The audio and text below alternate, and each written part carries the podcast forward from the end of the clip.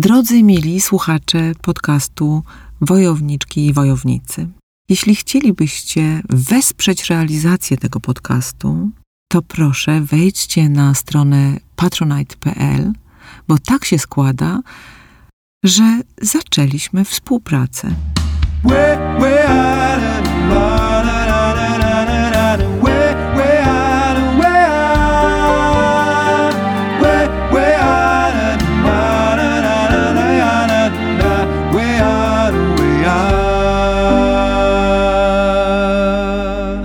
Katarzyna Olimpia Szymielewicz, prawniczka, działaczka społeczna i publicystka, współzałożycielka i prezeska Fundacji Panoptykon, do niedawna wiceprzewodnicząca Europejskiej sieci European Digital Rights, ma swój podcast y, w TOK FM. Od lat nagłaśnia ryzyko związane z profilowaniem użytkowników sieci. Krytykuje platformy internetowe za to, że przedmiotowo traktują użytkowników internetu, co pogłębia zamykanie się ludzi w bańkach informacyjnych. Mówi o potrzebie ograniczenia władzy nad danymi i wiedzą o internautach, jaką dzierżą dominujące platformy internetowe. Uważa, że obecność w sieci mediów społecznościowych, choć przecież dobrowolna, jest formą opresji i kontroli. Porozmawiamy o tym, czy prywatność to jeszcze wartość, dobro, o które warto walczyć, czy nie przeszkadza nam, że stajemy się przydatnymi komercyjnymi elementami, pionkami w rękach, nie wiem, jakiegoś biznesu, i też o tym, jak przywrócić użytkownikom podmiotowość. I też jak indywidualnie nie zostawiać śladów w internecie, jak czyścić swoje pole cyfrowe. Chociaż jej domeną jest żywioł wybitnie trudny do opanowania, jawi się jako osoba, która wierzy i wie, że zawsze jest coś do zrobienia. Witam Cię, wojowniczko.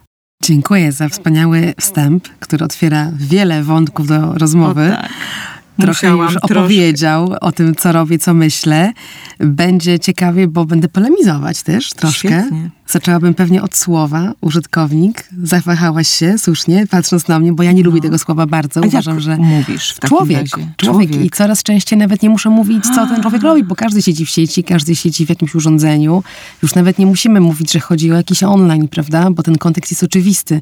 Tak niewielu z nas ma dzisiaj luksus odłączenia się, że wszyscy siedzimy w sieci, a słowo użytkownik bardzo szybko wywołuje takie skojarzenia z używką, z byciem mm, manipulowanym, właśnie zarządzanym, wpędzanym w jakieś schematy działania nieludzkie, niepodmiotowe, przedmiotowe. A tak nie jest? No tak jest, mhm. ale tak chcą nas widzieć, tak nas pozycjonują ci, którzy mają władzę nad naszymi danymi. A moją misją, misją Panoptykonu jest upodmiat, upodmiotowiać. Tak, właśnie. O to to. O, nie, to jest trudne słowo. Tak. Nadawanie tak. nam podmiotowości. Tak. Jako ludziom, jako ludziom. Więc przewracamy słowo człowiek. Świetnie. Mhm wiesz, od tego można zacząć. Tak. To jest dobry początek. To jest takie dohumanizowanie, wtórne nas wszystkich. Przywrócenie pewnych mhm. E, wartości, które nam tutaj odebrano.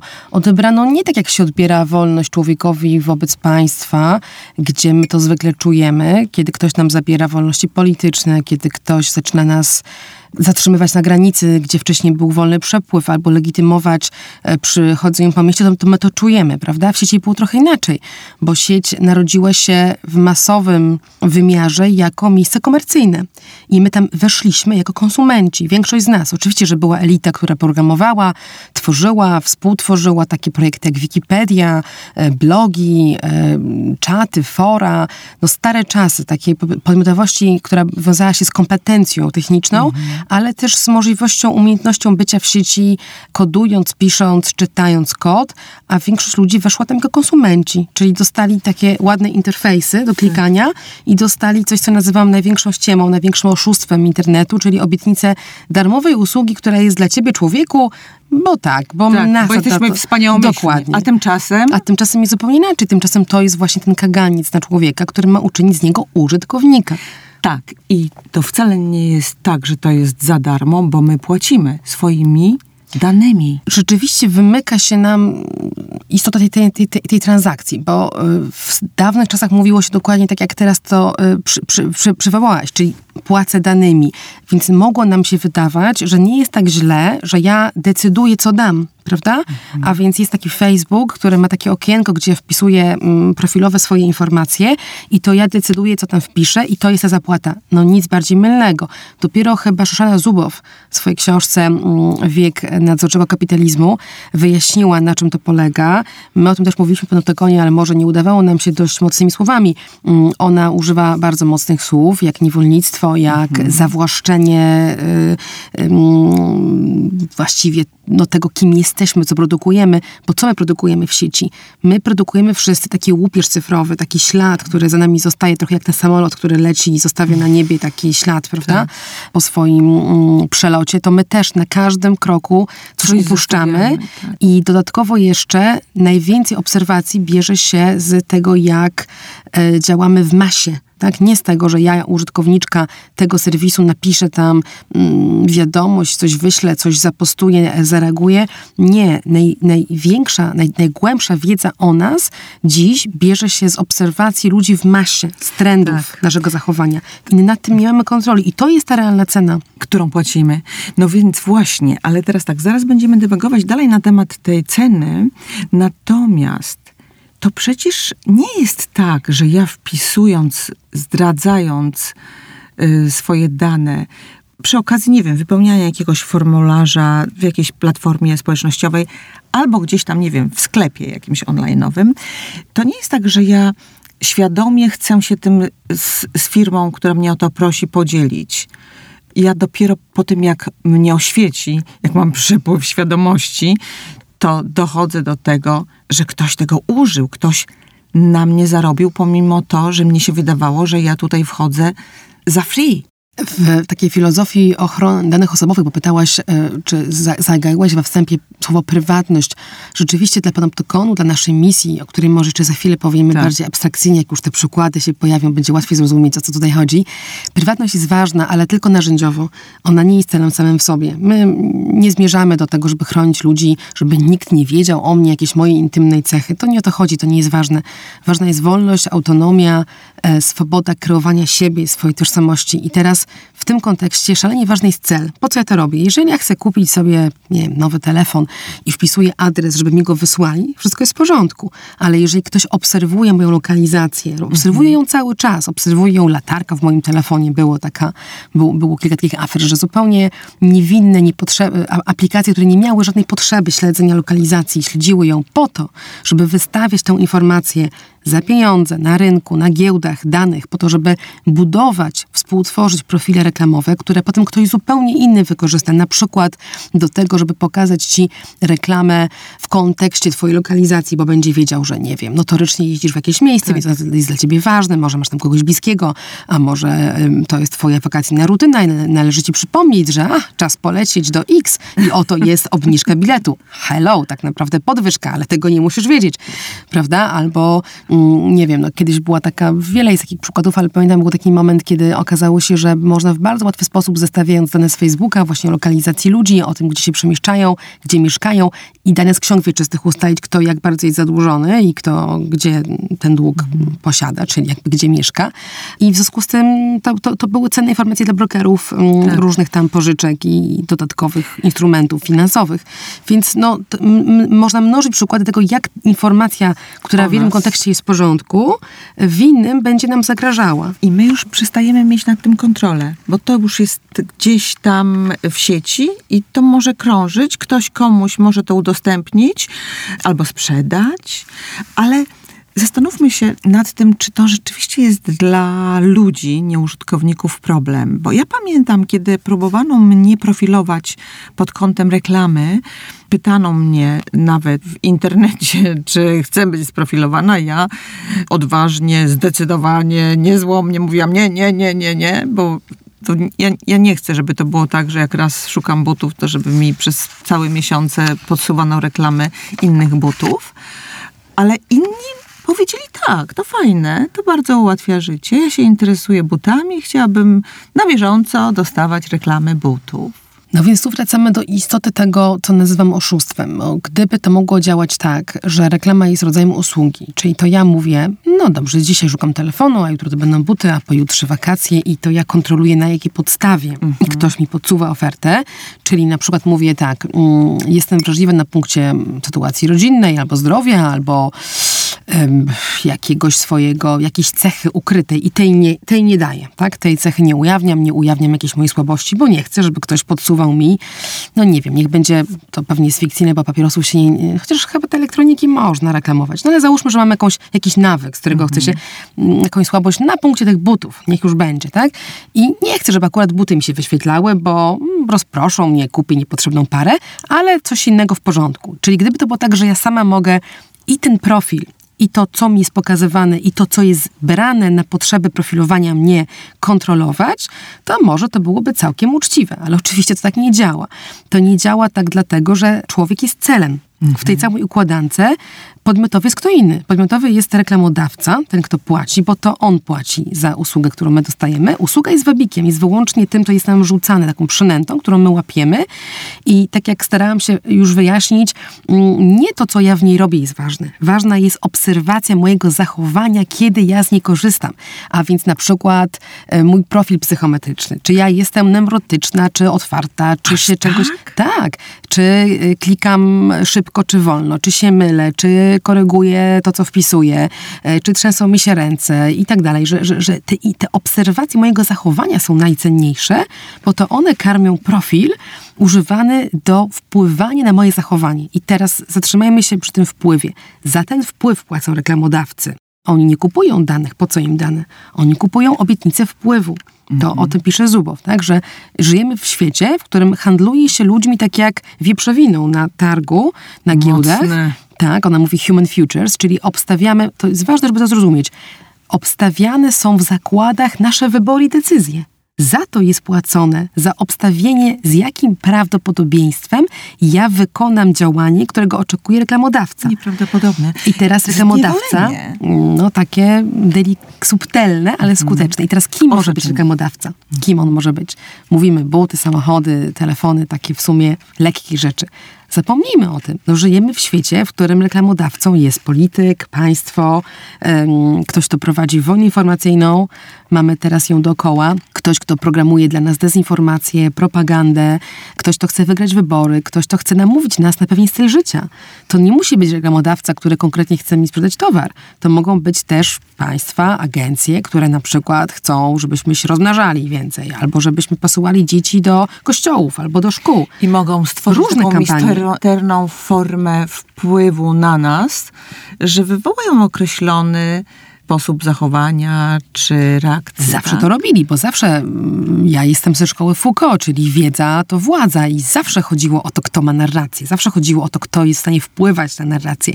Tylko jeszcze u Foucault, który to wymyślił, było to trochę bardziej demokratyczne. W tym sensie, że nawet taki można władca, nawet autorytarny polityk musiał się liczyć z narracją. On nie mógł jej narzucić skutecznie, prawda? No bo mhm. jednak jest jakiś obieg informacji, ludzie rozmawiają, ludzie myślą krytycznie. A dzisiaj jest o wiele łatwiej to spinować. Taka jest przynajmniej moja ocena, bo jest to paradoks. Mamy terabajty, czy już nie wiem, w jakie to idzie teraz wartości danych potencjalnie dostępnych, ale zginęlibyśmy bez filtra, prawda? Mhm. Ktoś musi nam suflować te informacje, ktoś musi nam podpowiadać ten telefon, ta gazeta, ten news, ten pogląd na świat, ten pogląd na szczepienia lub brak szczepień, na wojnę taką czy inną, na konflikt ten czy inny, prawda?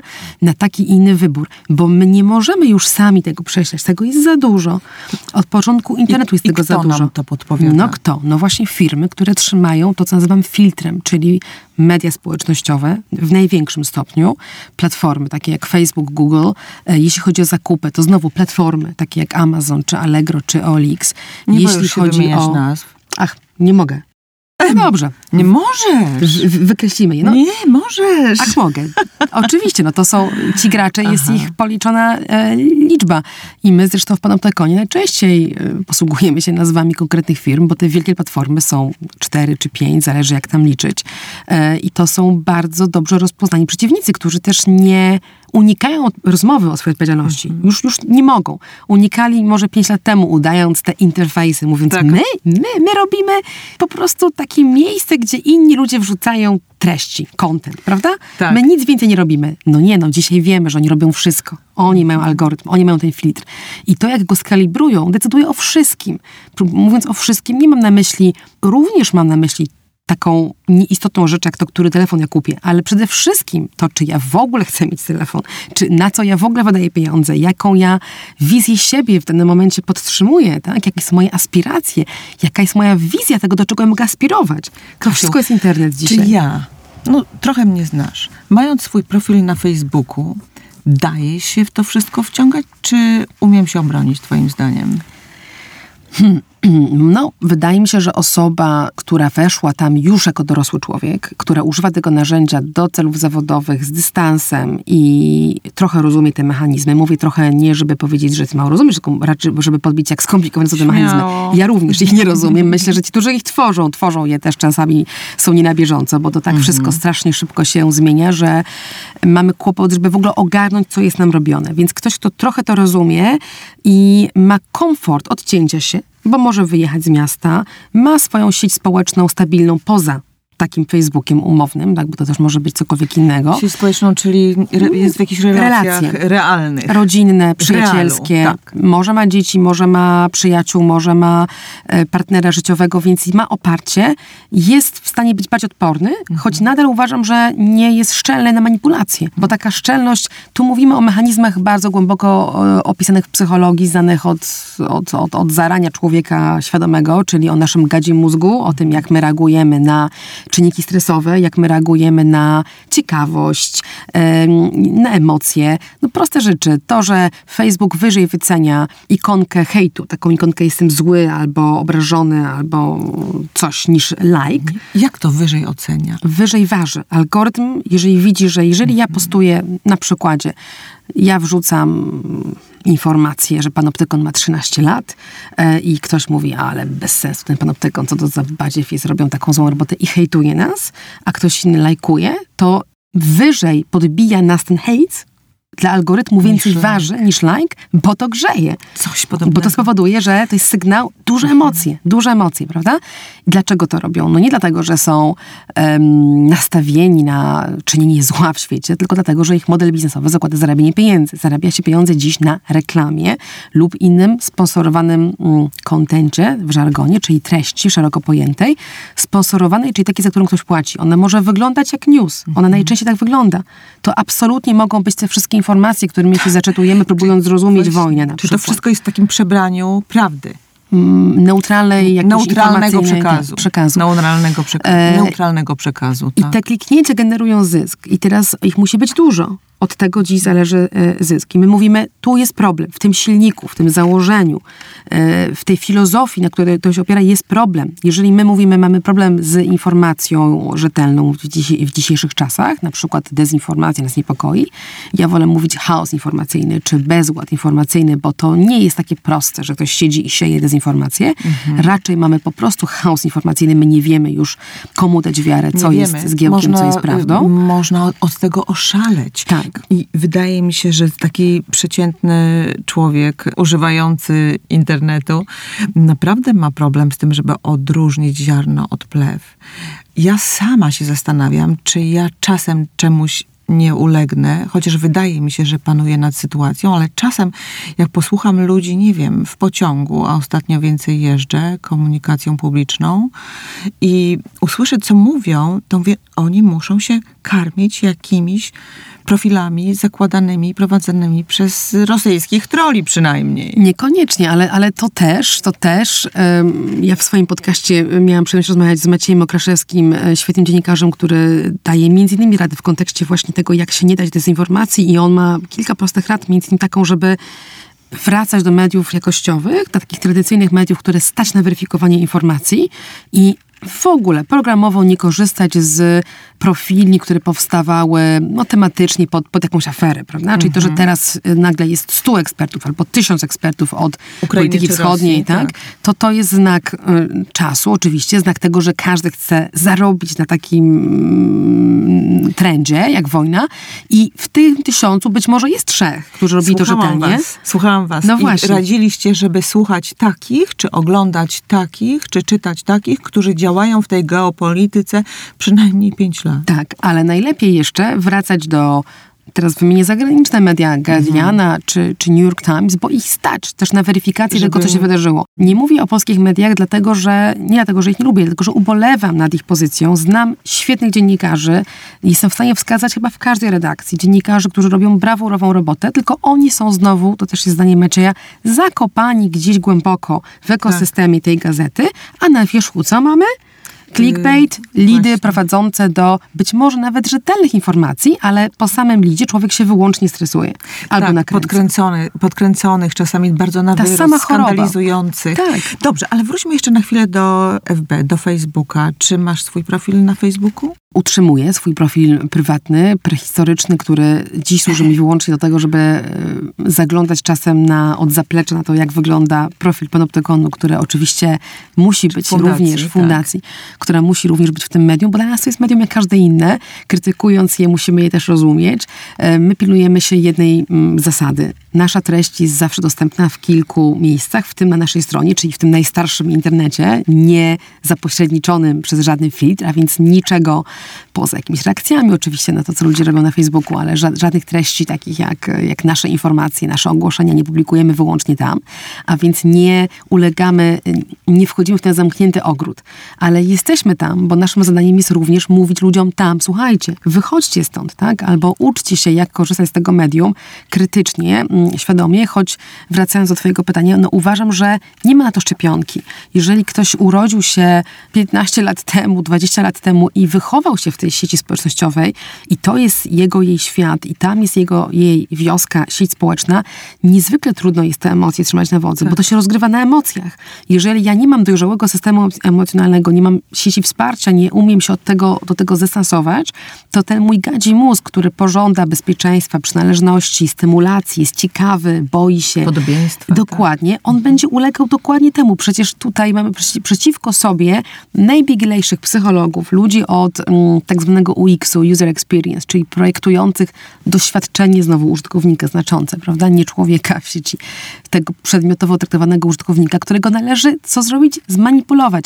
Dopiero teraz w regulacji mm, prawnej, o którą walczymy ostatnie parę lat jako Panoptykon i, i nasza cała sieć praw cyfrowych o to walczyła, uda się, mam nadzieję, uda się przewalczyć zakaz projektowania manipulacyjnych interfejsów, czyli tych e, Musisz nam to okienek wytłumaczyć. różnych, tak?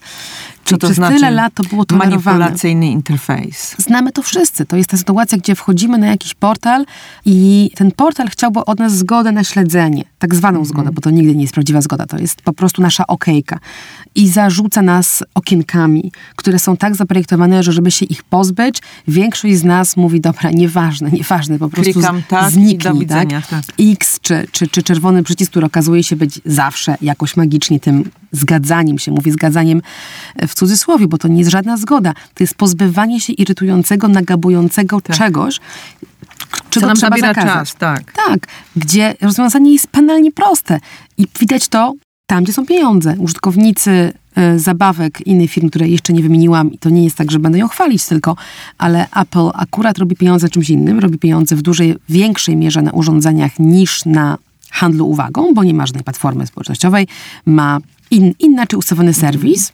Klienci płacą za drogie urządzenie. Tam jest to rozwiązane banalnie prosto. jak? Urządzenie w centralnym sterowaniu urządzeniem ja ustawiam sobie, na co się zgadzam, na co nie. Ustawiam to, kiedy je ustawiam na początku, kiedy się z nim zaprzyjaźniam. I to urządzenie... Na starcie. Na starcie. I to urządzenie chroni mnie przed takim nagabywaniem. Mówi, nie ma mowy. Mhm. Tak? Apple mówi, nie ma mowy. Ten klient zapłacił mi realne pieniądze za urządzenie.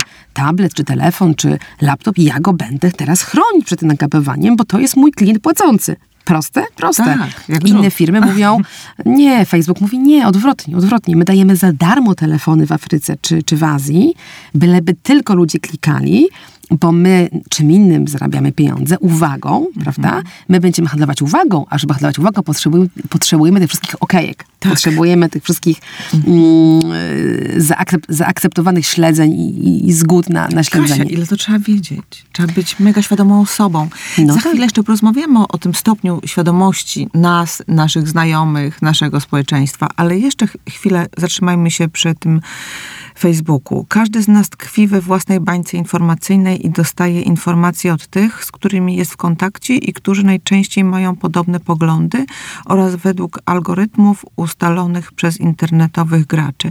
Tak napisałaś kiedyś o co chodzi z tymi bańkami informacyjnymi. Bo rzeczywiście ja mam takie poczucie, że dostaję, że jakby trafiam tylko na wpisy tych, którzy myślą tak jak ja. Chodzi o ten sam model zarabiania pieniędzy, czyli o to, żeby utrzymać cię w uwadze i w interakcji. Jeżeli widziałabyś w internecie dużo rzeczy, które cię nie angażują, dlatego że są ci obce, zniechęcają cię. Mówisz, wchodzisz sobie, chciałabyś się dowiedzieć, co tam nowego w konflikcie na wschodniej granicy i widzisz rzeczy, z którymi się głęboko nie zgadzasz, albo, albo one cię nie tyle denerwują, bo zdenerwowanie jest tym, na co te algorytmy grają, bo to mocno angażuje, ale nie, wiem, nie rozumiesz tego, albo się głęboko z tym nie zgadzasz. Może pandemia jest lepszym przykładem, bo tutaj te emocje były y, jaśnie podzielone. Teraz y, w kontekście Ukrainy wydaje mi się, że Polacy są tak bardzo po jednej stronie barykady, że tu wręcz nie ma możliwości pokazywać czegoś innego. Ale na przykład w pandemii y, tych frakcji było kilka, prawda? Jedni się bali... I Nie tylko, tak. Też co do masek, co do A, dystansu tak. społecznego, No tak, co do lockdownów, co do wszystkiego. I teraz nagle pokazują ci się treści, które są ci obce. Piszą je ludzie, których nie znasz, których nie rozumiesz. I nie jesteś badaczką ani dziennikarką i nie masz ochoty tego poznawać. No to co robisz? No wylogowujesz się z tego. A jeżeli widzisz rzeczy, które ciągają cię w takie potwierdzenie, o, inni też tak myślą jak ja, o, ich stresuje to samo będę, będę z nimi. Będę, będę z nimi. To jest tak. ta stad, Będę to, to jest ten pęd do wspólnoty, do przynależności, do stada, którego nam e, brakuje. Tej wspólnoty brakuje nam boleśnie, mi przynajmniej. Myślę, że wielu z was też w e, realnym życiu, szczególnie jeżeli żyjemy w mieście, jest tego mało, to jest dobro luksusowe i nagle masz złudzenie. Złudzenie, nic więcej. Że coś sieci masz. tego, że przynależysz. No to co robisz? No uczestniczysz w tym, lajkujecie się nawzajem, głaszczecie się. To po prostu działa. A co w tym złego? Przecież trzeba się trzymać swoich. No tylko tyle, że jeżeli to jest nasze wyłączne źródło informacji o świecie, a badania pokazują, że w coraz większym stopniu ludzie nie mają siły, ochoty, czasu, ciekawości, możliwości, pieniędzy, już nie wiem czego. Brakuje im spektrum, żeby sięgać po informacje, jak to się kiedyś robiło, kupując gazetę, taką szeleszczącą gazetę, e, nie wiem, w, w sobotę, popołudniówki. Przecież było tego, były różne te wersje gazet wręcz, różne funkcje pełniły. Teraz kto to robi? To elita kupuje sobie magazyn na weekend, tak? Elita intelektualna, finansowa, bo wypada, może są ciekawie, może mają dość czasu, bo mają nianie do dziecka, nie wiem, ktoś ich wozi samochodem, a większość ludzi walczy jednak. Ciężko jest, prawda? To wszystko spiąć. Więc jeżeli ja już na tym Facebooku czy innym mm, Instagramie siedzę i klikam i lajkuję i tam mam newsy, no to kto by jeszcze szedł po nie do kiosku, Tak, prawda. Więc okazuje się nagle, że to coś jest naszym wyłącznym źródłem informacji. Ja widziałam z przerażeniem oglądałam, jak moi sąsiedzi warszawscy przybiegali, bo zwykle tego nie robią, no ale w czasie wojny były, były takie momenty, że to robili, bo to były duże rzeczy. Przybiegali spanikowani do mnie, Kasia, słyszałaś, e, wojna nuklearna, coś wybucha, coś się dzieje. Mówię, skąd, skąd, jak? Właśnie. Pokażcie mi. Nagle widzę, że na Instagramie są e, screenshoty z jakichś em, mediów, ktoś robi i że ludzie czytający to dostają wybrane, nawet być, być może pochodzące z rzetelnych raportów, ale wybrane fragmenty tylko informacji, które Mhm. Bez ktoś kontekstu kogo... Dokładnie. y, znaczące Dokładnie. coś innego. Dokładnie, Tak. który ktoś, kogo obserwują, czyli ktoś z, tej, z tego ich stada, z tej ich bańki Mhm. uznał za istotne i sam skomentował, podbił na przykład, zobaczcie, rzeczywiście tak się dzieje. Nie wiem, premier Francji faktycznie powiedział, że jest eskalacja. Mhm. No ale to było długie przemówienie. On powiedział wiele rzeczy. Obok tego. Na koniec była inna konkluzja. Na przykład, że czekamy, prawda? Jest eskalacja, owszem, obawiamy się, idzie ku złemu. Pokoju, to wszyscy chyba wiedzieli, że pokoju szybko nie będzie w tym konflikcie. Oczywiście. No ale czym innym jest taka refleksja, czym innym jest panika, że Francja szykuje się na wojnę nuklearną. Mhm. Jaka tam była konkluzja na tym Instagramie? Załóżmy, prawda? Więc chodzi o to, że wyrywany z kontekstu informacji, opowiadane przez opowiadaczy, którzy y, szukają emocji, szukają lajków i przynależności w swojej grupie społecznej, a nie są w ogóle przygotowani do komentowania, to wygrywa teraz. To jest niesamowite, wiesz, że my rzeczywiście możemy się tak zamknąć w tych bańkach swoich informacyjnych, czy wręcz światopoglądowo-ideologicznych, że w pewnym momencie y, już nie będzie powrotu do y, relacji no, a jest powrót? inaczej w myślącymi. No, Kto z no nas tak, dzisiaj wierzy w możliwość spotkania podziały. się ludzi z obu stron barykady, która może nie jest już tak jednoznacznie stabilna w tym samym miejscu, prawda? Bo sytuacja się oczywiście zmienia i linia podziału może przebiegać w nieco innym miejscu. O inne konflikty, y, inne konflikty nas zapalają dzisiaj, inne zapalały nas pięć lat temu, ale jak już jest konflikt o coś, za chwilę będą uchodźcy, obawiam się. Tak jak przed chwilą byli to uchodźcy, czy, czy na chwilę przygasła aborcja, prawa kobiet. Pewne rzeczy wydają się teraz mniej istotne, za chwilę znowu wybuchną.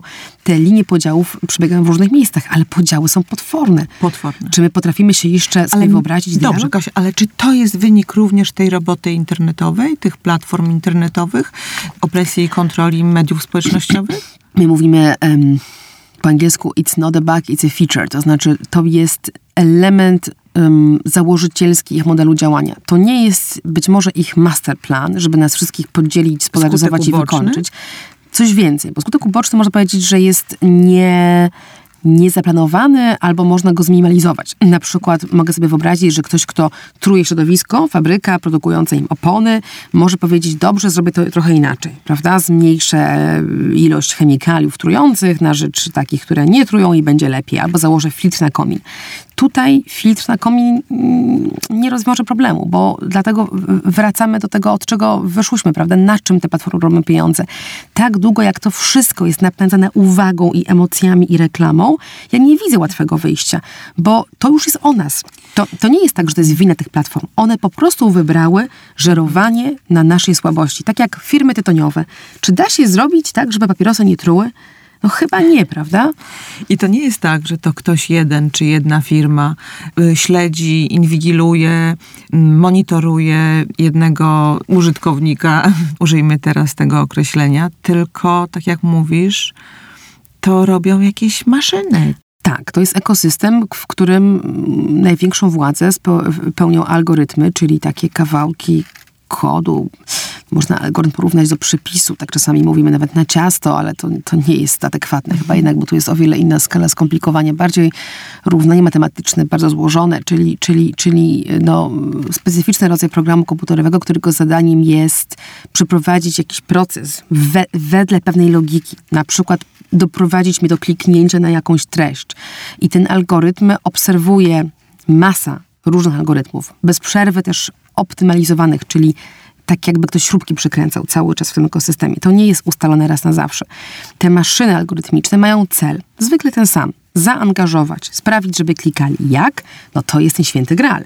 I bardzo często my słyszymy od tych wielkich firm e, w odpowiedzi na naszą krytykę, kiedy my mówimy, wykorzystujecie ludzkie słabości. No ostatnio mieliśmy mm, przed wojną, czyli wieki temu e, mentalnie, ale nie tak, tak, dawno. W sumie Frances Hogan, e, sygnalistka Facebooka, bardzo prosto, ładnie, mocno mówiła o tym, co ta firma wie, czego nie wie o ludziach, pokazała dokumenty dowodzące, że to, co my, krytycy, mówiliśmy od lat, jest prawdą, o której firma wie, czyli Facebook ma świadomość, że eksploatuje słabości takie jak nie wiem, depresja u nastolatków, e, anoreksja u dziewczyn, mm, różne stany psychiczne dorosłych, które no, nie sprzyjają refleksji tak? i temu, że ja, wracając do reklamy na chwilę, świadomie i spokojnie podejmę decyzję, o rzeczywiście skończyły mi się buty, kupię nowe. No nie, to tak nie działa. To wszystko żeruje na jakimś momencie, momencie, tak? w mojej psychice, który jest słaby, Momencie podatny.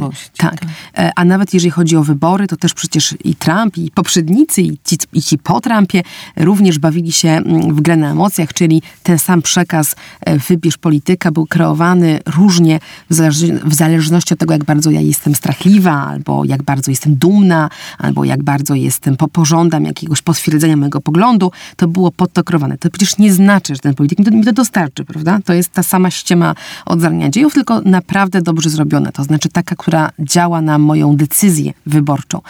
I teraz my mówimy taki zarzut. Robicie to. Oni mówią, jak to? Nic nie robimy. My No. nic nie wiemy. Jak zobaczysz w Facebooku bazę danych, tam nic takiego nie ma. Tam nie, nie ma, naprawdę nie ma takiej sytuacji, że jest sobie Katarzyna Szymilewicz i na nią są jakieś fiszki. Jakieś niezwykle wrażliwe dane o niej. Nie ma tego, tam nikt nie jest głupi. Algorytm działa inaczej. On obserwując moje zachowanie w sieci, moje i miliona podobnych do mnie ludzi, on nie nazywa tej cechy. On nie mówi, a złapałem ją, ona jest, nie wiem, wrażliwa na koty, albo na kolor czerwony, albo waha się w takim poglądzie politycznym. Co? Nie. To jak to działa? To działa, to jest zaawansowana statystyka i matematyka. W zasadzie wszystko działa na numerkach, na ciągach znaków, na ciągach liczb. Nieprawda, Nie ma nigdzie w tej bazie danych takiego momentu, w którym jesteśmy zatrzymani, obraz nasz, nas, nasz jest zatrzymany. W milisekundach są dopasowywane do nas treści w oparciu o nasze cechy behawioralne, nienazwane najczęściej, czyli szalenie trudno bez ingerencji człowieka w to, jakiegoś regulatora, audytora, który wejdzie tam i powie zaraz, zaraz, hola, hola, ale na jakiej zasadzie te tysiąc użytkowników, tu pasuje to słowo, zobaczyło akurat tak podkręconą reklamę. Dlaczego ją zobaczyło? Jakby się w to wkopać, zrobić śledztwo, to dojdziemy do tego dlaczego. Tak. Że zobaczyli reklamę tak. e, sponsorowaną przez Trumpa, która mówiła o obronie Ameryki i budowaniu płotu na granicy z Meksykiem, bo ci ludzie przez poprzednie pół roku dużo czytali takich treści i hejtowali, e, nie wiem, meksykańskich uchodź- uchodźców albo, albo lajkowali pomysł na obronę narodową, prawda? Jest to do wykazania, Jest. piekielnie trudne Ale nie do wszystkich nikt- te raporty y, docierają, nie, nie trafiają im do przekonania.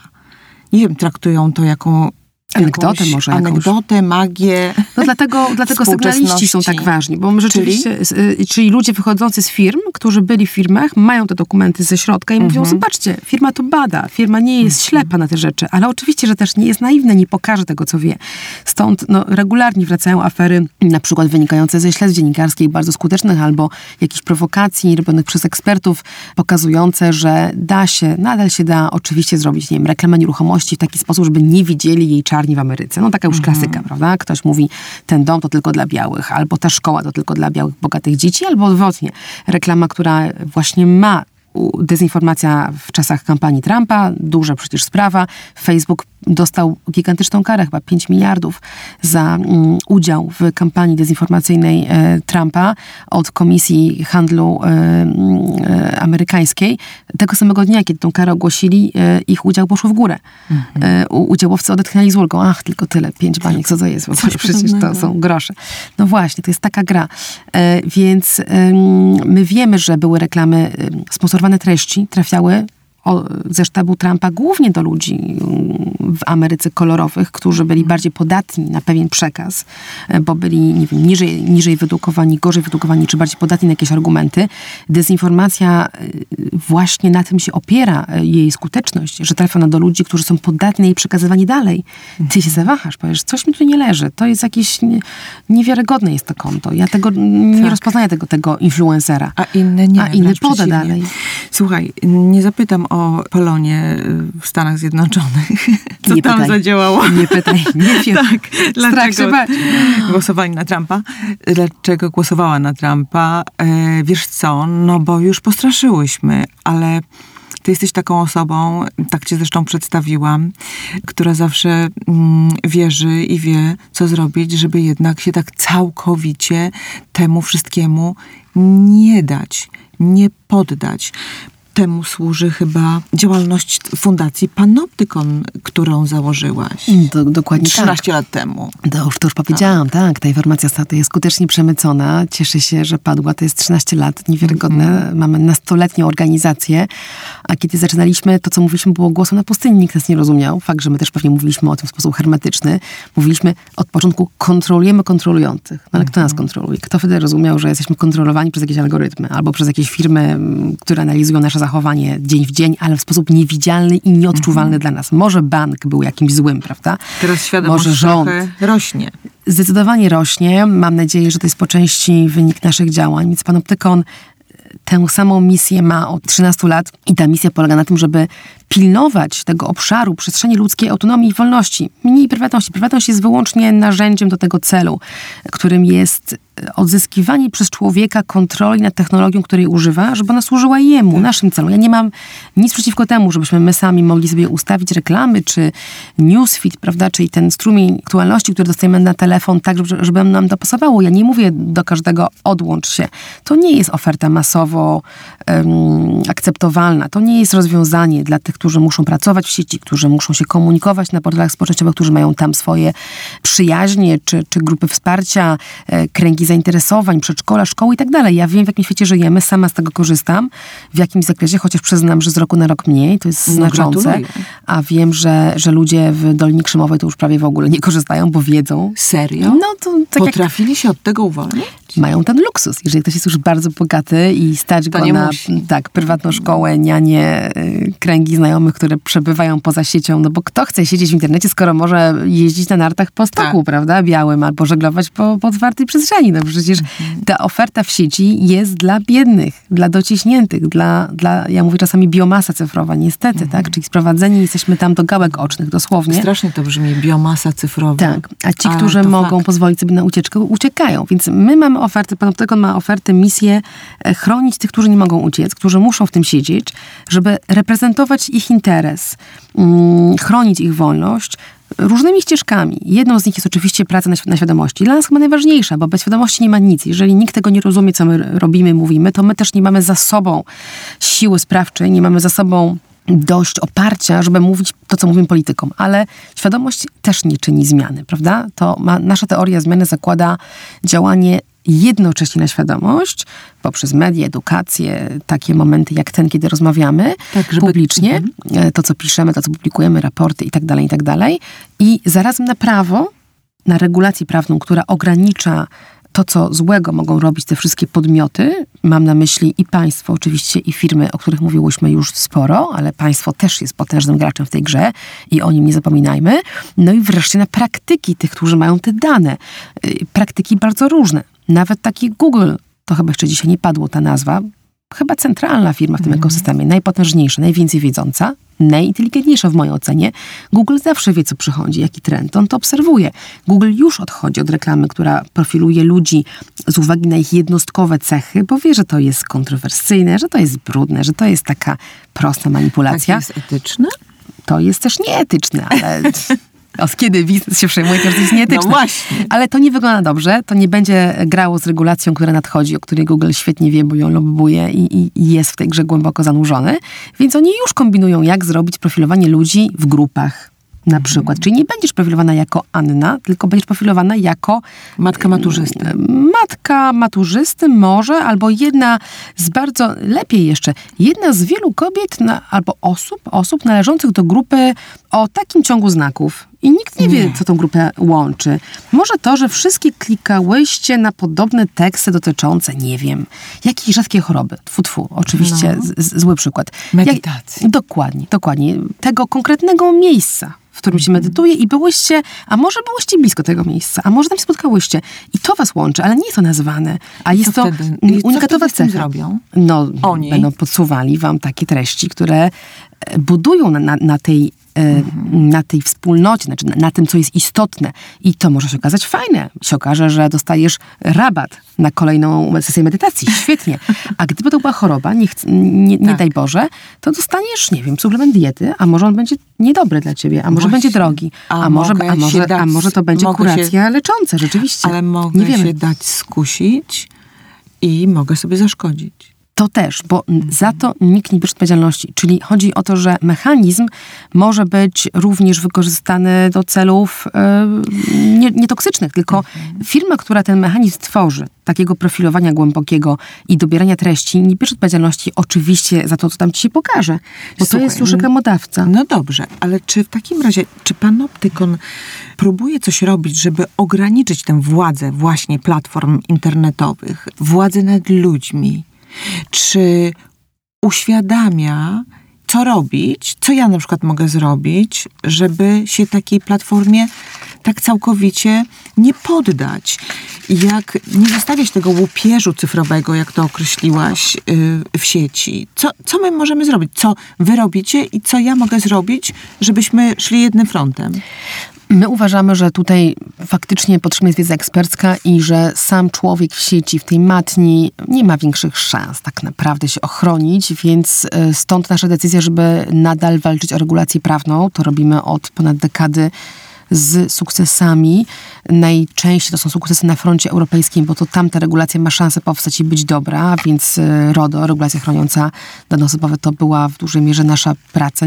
Nie chcę powiedzieć, że nasz wpływ był tak kluczowy jak nie wiem, Komisji Europejskiej, tylko że rzeczywiście głęboko w tym siedzieliśmy latami. To, to był wieloletni proces pracy nad tym. Teraz mamy regulację platform, czyli tych wszystkich dużych e, firm, o których rozmawialiśmy dziś sporo, która ma szansę wy, wykluczyć różne ich złe praktyki, takie jak to targetowanie dzieci, targetowanie naszych słabości. To powinno zniknąć, jak te manipulacyjne interfejsy. Jest szansa. Tak, to wszystko nam się udało w jakimś stopniu przewalczyć. Nie takim jak chcieliśmy, żeby to zupełnie wywalić, ale, ale jest jest sporo sukcesów, o których może jeszcze porozmawiamy, albo to jest temat na inną e, rozmowę, sama ta regulacja prawna, ale to jest front, którego my się trzymamy, ta polityka globalna najczęściej, międzynarodowa, rzadziej Polska. Jeżeli Polska to zwykle blokowanie głupich pomysłów, niestety, no bo w mhm. kraju takim jak Polska teraz nawet nie mówię, że, że akurat Polska jest takim krajem, po prostu kraj, państwo narodowe to nie jest forum do regulacji tych problemów, tak naprawdę. My to możemy sobie ban banki lokalnie uregulować, albo jakieś kredyty konsumenckie, ale tak naprawdę platformy może regulować wyłącznie Unia Europejska skutecznie. Stąd w Polsce to są przede wszystkim takie batalie jak przeciwko czemuś, przeciwko blokowaniu stron internetowych przez ABW, przeciwko blokowaniu, przeciwko cenzurze sieci przez jakieś organy polskie mm, ze względów nie wiem, politycznych, przeciwko inwigilacji pod pretekstem walki z terroryzmem, przeciwko Lex Ziobro ostatnio, mhm. czyli takiej próbie stworzenia kolejnej instytucji cenzurującej internet w Polsce. Więc różno, wiele batalii mamy wygranych mm, lub takich neutralnych, gdzie, gdzie coś się trochę udało naprawić e, w Polsce i tego się trzymamy, to uważamy za sensowne, równolegle z tą edukacją, i rzadziej dajemy ludziom wytyczne to rób tego nie rób, bo to jest bardzo subiektywne. I nie ma mhm. takiej rady uniwersalnej, człowieku odłącz się, albo człowieku ustaw sobie tę reklamę właśnie tak, jak ja ustawiłam, bo może ktoś rzeczywiście chce tę reklamę mieć, może ktoś nie jest skłonny albo zdolny zapłacić 10 e, zł za gazetę online i, i chce tę reklamę oglądać. Ja nie toleruję serwisów z reklamami. Jeżeli tylko go chcę, danego serwisu, zapłacę, żeby nie mieć reklam, bo moje doświadczenie bez reklamy jest nieporównywalnie inne, po prostu. Ale szanuję to, że ktoś może wybierać inaczej, więc tutaj nie ma takiego jednoznacznego wyboru, ale na pewno mówimy, mówimy tak. Jeśli jest alternatywa, y, nieśledząca, nie zbierająca Twoich danych, poszukaj jej. Jeżeli masz wpływ na politykę twojej szkoły, przedszkola, wspólnoty mieszkaniowej, żeby nie realizować zbierania danych bez sensu, na przykład kamerami, które niczego dobrego nie wnoszą, e, nie służą bezpieczeństwu, a wprowadzają różne negatywne efekty społeczne, sprzeciwiaj się. Jeżeli... Zwracaj w ogóle na to uwagę. Dokładnie. Po prostu tak. angażuj się w ten e, nurt dyskusji o twoim życiu. Jeżeli możesz wybrać serwis, który nie śledzi, jeżeli możesz poświęcić chwilę na swoje ustawienia tego, z czego korzystasz, zrób to. Jeżeli możesz wyłączyć sobie powiadomienia tak żeby ci to nie, mm, nie angażowało, żeby twój mhm. telefon cię nie wciągał w spirale konsumpcji treści na Instagramie, Facebooku, czymkolwiek tam masz, zrób to. Jeżeli nie używasz aplikacji, usuń ją, bo ważna jest autonomia, że to ja decyduję, że teraz Kiedy mam czas. sprawdzić. Tak? ja mówię sobie, mm, dzisiaj to będzie tak, że ja wieczorem sprawdzę, co tam znajomi piszą, albo odwrotnie, sprawdzę rano, a wieczorem to już poczytam książkę. Niech to będzie moja decyzja, a nie kompulsywne reagowanie na każdy dźwięk. Na dźwięk. Tak. E, jest, jest taki świetny e, serial, bardzo polecam, Czarne Lustro, już teraz mm. chyba bardzo znany dawno temu, jak zaczynali go, go jeszcze w BBC 2 robić, to jeszcze był bardzo niczową tak. produkcją, ale to były najlepsze odcinki, pokazujące w takim dystopijnym wymiarze to, co nas czeka, jeżeli się nie zatrzymamy. I to Czarne Lustro jest świetnie wyważone, bo ono tylko troszeczkę podkręca. Tam rzadko jest taki odjazd w przyszłość. Raczej to są takie subtelne rzeczy. E, I, i nawet chyba właśnie tam jest taka historia gościa, który który zabił człowieka. Mhm. Chyba swoją partnerkę zabił, tak. Chyba tak było, bo spojrzał, prowadząc kompulsywnie na powiadomienie, prawda? to nie jest daleko. To, to, to nie jest tak, że to się nie może wydarzyć. Nam się wydaje, że, że kontrolujemy to. Nie. Podkreślam, te interfejsy są tak wściekłe, manipulacyjne, są tak Wściekłe, tak dobre, tak. bo ktoś, kto za nimi stoi, doskonale wie, jak działa nasza natura. A my nie mamy kontrolek w głowie które możemy sobie przedstawić. Więc przedstawiajmy sobie suwaki na urządzeniach. Skoro nasza głowa jest podatna na manipulacje, zadbajmy o to, żeby urządzenie nie było. Jeżeli mogę w telefonie ustawić, a mogę już wszędzie, i na Androidzie, i na Apple'u, wszędzie to mogę zrobić. Mogę ustawić sobie takie e, well-being, oni nazywają, prawda, dobrostan cyfrowy. To zróbmy to, więc pewne Jasne. rzeczy możemy zrobić, a systemowo wspierajcie Panoptykon i podobne organizacje, bo to jest praca dla ludzi na, na, na pełen etat. No tym bardziej, że ten postęp cywilizacyjny jest szalony, że to, to jest nieustająca zmiana. Dlatego no, ktoś taki jak ja, czy jak nie jeden nasz słuchacz czy słuchaczka, nie są w stanie nadążyć nad tymi zmianami. To muszą być organizacje, które się tym zajmują dzień i noc. W żadnej sferze, wydaje mi się, nie, nie, nie nadążymy. My jako jednostki zagubione w tym szumie informacyjnym, o którym mówiłyśmy już, że, że jest faktem, czy to jest ekologia, czy to jest konflikt zbrojny, czy to jest y, polityka rodzinna, edukacja, wszędzie musimy mieć jakiś autorytet. Nie, nie mamy możliwości, nie będąc ekspertami, wyrobić sobie opinię na każdy temat. To byłoby szaleństwem nawet zakładać, że, że, że tak chcemy. E, Nawet dla nas, ekspertów, to jest trudne. My działamy w sieciach międzynarodowych, poświęcamy mnóstwo czasu na komunikację z innymi aktywistami, ekspertami, żeby właśnie ważyć swoje opinie, żeby weryfikować swoje wyobrażenia. Szczególnie, że od lat staramy się też proponować rozwiązania. Nie tylko blokować złe, ale mówić też, jak powinno być lepiej. Żeby do tego dojść, naprawdę potrzeba sporo e, namysłu, którego żaden mały zespół w Polsce sam Nie nie, zrobi. Więc u nas ogrom też pracy idzie na te negocjacje z sieciami i dzięki temu ja mam poczucie, że troszeczkę wiem, jak ten wiatr wieje, wiem, co będzie za chwilę. Mm, Rozmawiamy z for, for, forecasterami, z różnymi mm, think tankami, badaczami o tym, co nadchodzi.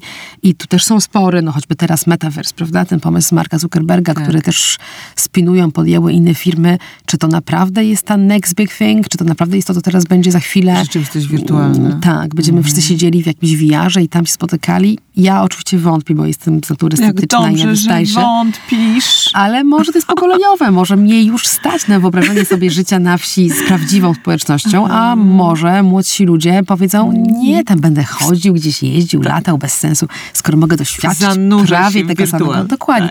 Nie wiemy, co tak naprawdę wypali. Więcej, myślę, że te firmy nie wiedzą, ale gotowi musimy być na różne zmiany i być na nie uważnymi. I kluczem do tego jest moim zdaniem jednak wybranie sobie kogoś, kto to dla nas analizuje. Nie, niewątpliwie. Słuchaj, a kiedy 13 lat temu zakładaliście tę swoją cudowną, użyteczną, pożyteczną, strażniczą y, fundację, to co wtedy najbardziej cię niepokoiło i jak na to patrzysz teraz z perspektywy właśnie tych kilkunastu lat?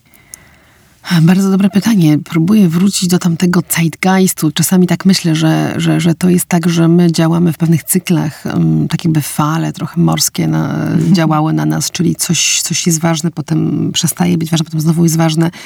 Taka sinusoida, prawda, w której, nie wiem, raz jest taki zeitgeist optymistyczny bardziej, że mamy nadzieję, że technologia nam pomoże w czymś, a potem jest taki hejt na tą technologię.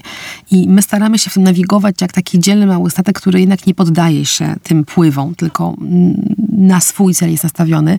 Więc tak kierunkowo my, tak samo dziś jak wtedy uważaliśmy, że trzeba ochronić pewną sferę wolności człowieka, nie tak rozumianej liberalnie wąsko, że ja mam wybierać teraz wszystko sama. Nie. Chodzi o to, żeby być wolnym od wpływu, od manipulacji. I to jest u nas stabilne. Natomiast to, co jest tym wpływem, co jest tym zagrożeniem, to rzeczywiście się trochę zmienia. My wtedy, dawno temu, myślę, że bardziej patrzyliśmy na państwo, mm, na... To był taki moment w dziejach, kiedy em, wybuchła wojna z terroryzmem mocno i odkryliśmy, że nawet w Polsce były więzienia CIA, że ludzie byli wykluczani spod ochrony prawa, torturowani, zabijani, przewożeni jak paczki, e, e, dlatego że ktoś powiedział, że to jest dla bezpieczeństwa i nas wtedy to szokowało. I myśleliśmy, że to jest to największa, ta największa krzywda, jaka się może wydarzyć człowiekowi, czyli to, że ja będę zmarginalizowana i będę przemielona przez ten system jako niebezpieczny jego element. Tak wtedy myślałam.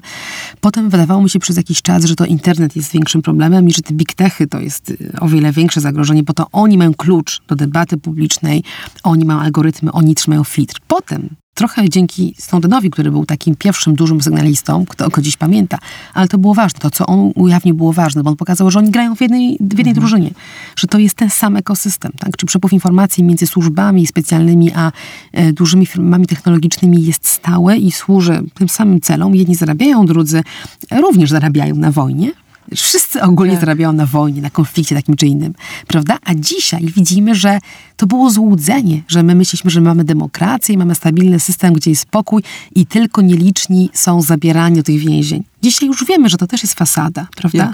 No, że ta A... wojna trwa że mhm. jesteśmy na wojnie, że jesteśmy bardzo blisko tych frontów i że nasze życie również nie jest e, bezpieczne, e, że ten konflikt jest ciągły, tylko jego emanacje, mm, nasze spojrzenie, tak jakby rzucone światło na niego jest w innych miejscach i w jednym dniu wydaje nam się on dalszy, bo to tylko Donbas, bliski, tak. albo Bliski Wschód, mhm. albo coś, a innego dnia ojej, to już Lwów, albo nie, to Warszawa, bo mhm. wojna informacyjna toczy się na naszym froncie, tutaj.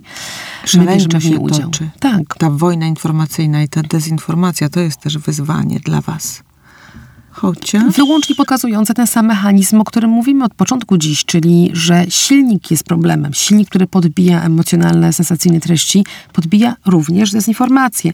Ale to, to nie jest nowy problem, w tym sensie, że on tylko pokazuje cały czas problem tego, ten mit założycielski komercyjnego internetu, który mówi, pieniądze idą za zaangażowaniem. To jest problem. I jak tego nie ruszymy i tu nie zaczniemy wymyślać alternatyw i jakichś etycznych i, i, i, i, i dobrych usług, to również dezinformacji nie rozwiążemy tym, że wytniemy z sieci z pomocą Google'a jakiegoś pana Putina, mm -hmm, czy pana mhm, Ławrowa, tak. Ławrowa, czy ich troli. Czyli Facebook nie może być Facebookiem. To niech będzie puentą. No nie no. może być i to trochę też od nas zależy. Od nas. To zależy od nas, prawda? Uwalniamy się. Dziękuję bardzo, Kasiu. Bardzo dziękuję za to zanurzenie.